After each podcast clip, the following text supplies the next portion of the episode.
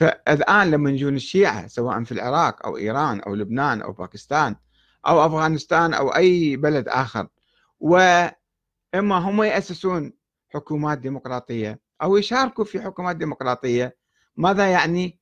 يعني ذول الشيعة لم يعودوا شيعة إمامية اثنا عشرية فهم لا يشترطون في الإمام يعني الحاكم الرئيس أن يكون معصوما ولا معينا من قبل الله ولا من السلالة العلوية الحسينية. هاي الشروط الثلاثة اللي كان اشترطها الإمامية قبل 1300-400 سنة.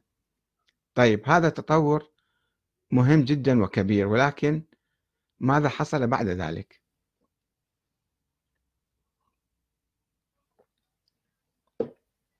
هذا التطور في الحقيقة إيجابي تطور عملي تطور سياسي عملي إيجابي جدا. آه، وهو ولكن آه، ما رافق آه، ثورة ثقافية أو إعادة نظر جدية في الثقافة الميتة. الثقافة الشيعية الميتة الثقافة الإمامية يعني ظلت مستمرة سواء في إيران بشكل مخفف أو في العراق بعد سقوط صدام وإقامة النظام الديمقراطي بشكل مكثف. عاد الفكر الصفوي. أحد الإخوان يسألني ما هو الفكر الصفوي؟ الفكر الصفوي حكم عسكري. حكم ملكي عسكري يعني قام على القوة ولكنه تظاهر بالتشيع. ثم هذا النظام النظام الصفوي آه، استخدم يعني العنف في آه، سب الصحابة وبنى وجوده في مقابل الدولة العثمانية حتى يتميز. هم كانوا أتراك أبناء عم العثمانيين الصفويين ولكنهم حتى يتميزوا عن العثمانيين. جعلوا سب الصحابة أن الخليفة أو هذا الملك الصفوي يمشي بالشارع وأي مسؤول يمشي بالشارع وأمامه يسبون ويلعنون. سن اللعن على الصحابة والشيخين. ف لذلك نسميه يعني أهم معلم من معالم النظام الصفوي هو هذا سب الصحابة.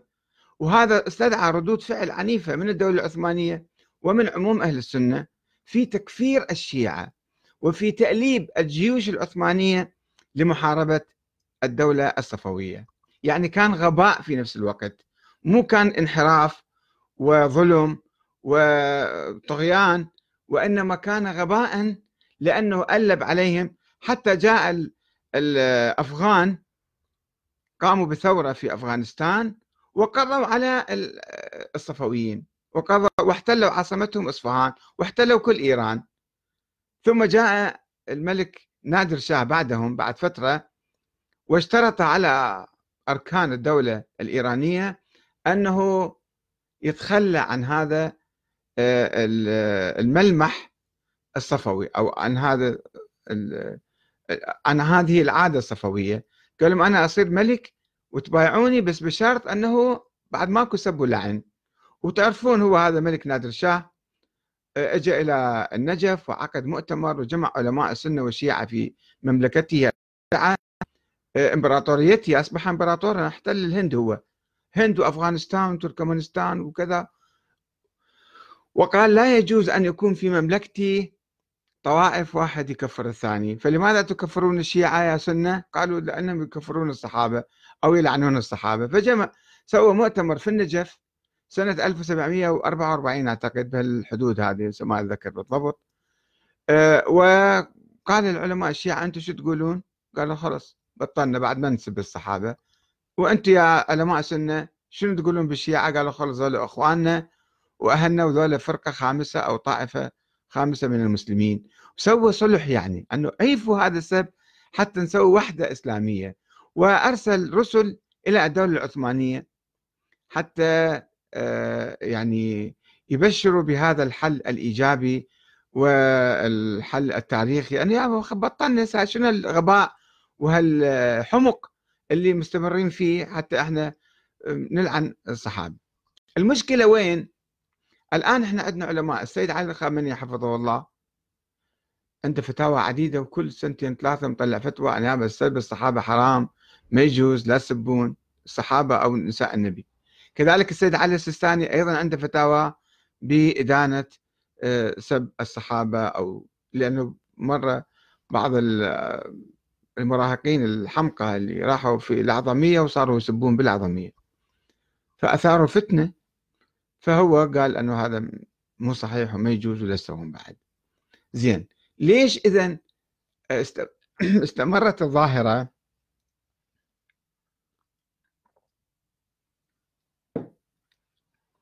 ليش استمرت الظاهرة موجودة ومتنامية؟ ومتنامية. يعني مع الأسف الشديد أن قاعد تطلع يعني هسه هذا آه، السبئي اللعان اللي قاعد في لندن هذا يسب ويشتم. قاعد في لندن عنده محطة فضائية ويسب ويشتم. وهو يقال مدعو من الشيرازي أو كذا الله أعلم. وعنده جماعة. و... وآخرين ذاك قاعد بأمريكا هم يسب ويشتم ويلعن. بأمريكا واحد بسهولة واحد يتهم أنت عميل مخابرات أمريكية. ولكن أن تطلع أزيات ومواكب في النجف وفي الصحن وفي الكذا ويسبون ويلعنون. فهذه ظاهرة ما يمكن نمر عليها مرور الكرام بالحقيقة يجب أن نتوقف عندها. ونسأل منو وراء هذه الظاهرة؟ هل هو سيد علي السيستاني؟ هل الشيخ اليعقوبي؟ هل الشيرازي؟ هل إيران؟ منو اللي وراها؟ إحنا نشوف الإعلام أكو واحد يقول إيران. أقول له لا إيران ما تقول. إيران مو سياستها بالعكس تحاول يعني آه، توحد المسلمين وتندد بهذه الظاهرة. وشوفوا الإعلام المرتبط بإيران ما يسب ويشتم. طيب السيستاني السيستاني عنده فتاوى أيضا بحرمة هذا الشيء أو برفض هذا السب والشتم. اذا كيف؟ الشيخ اليعقوبي أيضا ما عنده فتوى صريحة بهالموضوع. الحقيقة أنه إحنا عندنا في فكر اسمه فكر إمامي. هذا الفكر الإمامي يقول بأن النبي آه، صلى الله عليه وسلم نص على أمير المؤمنين بالخلافة. زين شنو الدليل؟ في آيات قرآنية صريحة؟ يقول لا ما في آيات قرآنية صريحة. أحاديث صريحة؟ حديث الغدير هل هو صريح بالإمامة؟ الشيعة الأوائل سيد المرتضى يقول لا هذا نص خفي وليس نصا جليا. والشيعة الأوائل يعني عموم الشيعة الأوائل في القرون الأولى ما كانوا يقولون أكو نص جلي وصريح على إمامة الإمام علي. شوفوا الزيدية مثلا اللي هم جيل من الأجيال الأولى كانوا يقولون ما عندنا نص صريح على الإمامة طيب بعدين صارت الفرقة الاثنى عشرية وإذا أجينا على أئمة واحد واحد نشوف ماكو نصوص عليهم ولا حتى وصية بالإمامة ولا حتى معاجز عندهم ولا شيء. مبنية على مجموعة أساطير أخرى. أنه الحجر الأسود تكلم مع زين العابدين وسلم عليه وقال له أنت الإمام. في مقابل محمد بن حنفية هذا أسطورة هذه أسطورة مو مضحكة حقيقة. وبنوا الإمامية نظريتهم اللي هم طلعوا في القرن الثاني الهجري فبنوا نظريتهم على هذه الأسطورة. وثم النظرية ما مشت واجهت عقبات وواجهت يعني مشاكل. الإمام الصادق وصى إلى إسماعيل وإسماعيل مات في حياته. وبعدين راحوا الشيعة كلهم إلى إلى عبد الله الأفطح بعد وفاة الصادق. وعبد الله الأفطح توفى بعد سبعين يوم وظلوا حيرانين ما يدرون شو يسوون. بعدين راحوا لموسى الكاظم. موسى الكاظم ما تبنى الإمامة رفض قيادة الشيعة ووقفوا على إمامته مع ذلك اللي قالوا بإمامته. وقفوا عليه بعد وفاته قال خلص الإمامة هذا الكاظم هو آخر الأئمة. سموهم الواقفية. وهم معظم تلامذة وأصحاب الإمام الصادق والكاظم. وقسم منهم فريق منهم راح إلى علي بن موسى الرضا بعد ما صار ولي عهد. قبل ما يصير ولي عهد ما حد ما كان يعرفه. حتى أخوته ما كانوا يؤمنون به. أخوة علي بن الرضا ما كانوا يؤمنون بالرضا. صاروا زيدية. وراحوا مع ثورة ابن طباطبة وصاروا ولاة باليمن. ومحمد بن جعفر الصادق الديباج اسمه لقبه. سوى ثورة بالحجاز بمكة والمدينة وصار أمير المؤمنين. ما كان يؤمن بعلي بن موسى الرضا. فريق من الشيعة بعد ما صار ولي عهد وراح يصير خليفة بعدين إجوا في الجماعة من الواقفية قالوا يابا إحنا كنا مشتبهين وهسه آمنا ب آه، علي الرضا شلون آمنتوا به عندكم ناس؟ قال لا شفنا معاجز. شفنا معاجز شفنا أحلام. قالت لنا تعالوا آمنوا بالرضا آمنا بالرضا. الرضا توفى عنده ابن عمره سبع سنوات محمد الجواد. هم صارت أزمة عند الشيعة. وهو أيضا صار عمره 25 سنة ومات وعنده ولد عمره ثمان سنوات. هم صارت أزمة عند الشيعة. شلون الإمام بعد لا يصلي لا يصوم لا كذا يصير إمام مثلا؟ المهم واجهت عقبات ووصلنا للحسن العسكري وتوفى ما عنده ولد. فصارت الأزمة الكبرى. وقع الشيعة بالحيرة الكبرى. عصر الحيرة سموه عصر الحيرة. حتى كتب علي بن بابويه الصدوق كتاب اسمه الإمامة. والتبصرة من الحيرة. وانتهت. عمليا انتهت نظرية الإمامة. ولكن شنو بقت؟ بقت مخلفاتها ومستلزماتها. أنه طيب إذا إحنا آمنا هسه بهاي الاثنا عشرية وذولا هي لازم تنتهي وتبين أنه هاي نظرية أسطورية وما لها أي دليل وما بها أي يعني حجة قوية. وعمليا انتهت ما يدل على أنه نظرية مو إلهية ولا يعرفها أهل البيت. وأهل البيت ما كانوا يتبنون نظرية الإمامة. هذا لطيف. هم نفسهم يتبنون نظرية الشورى ما يتبنون نظرية الإمامة.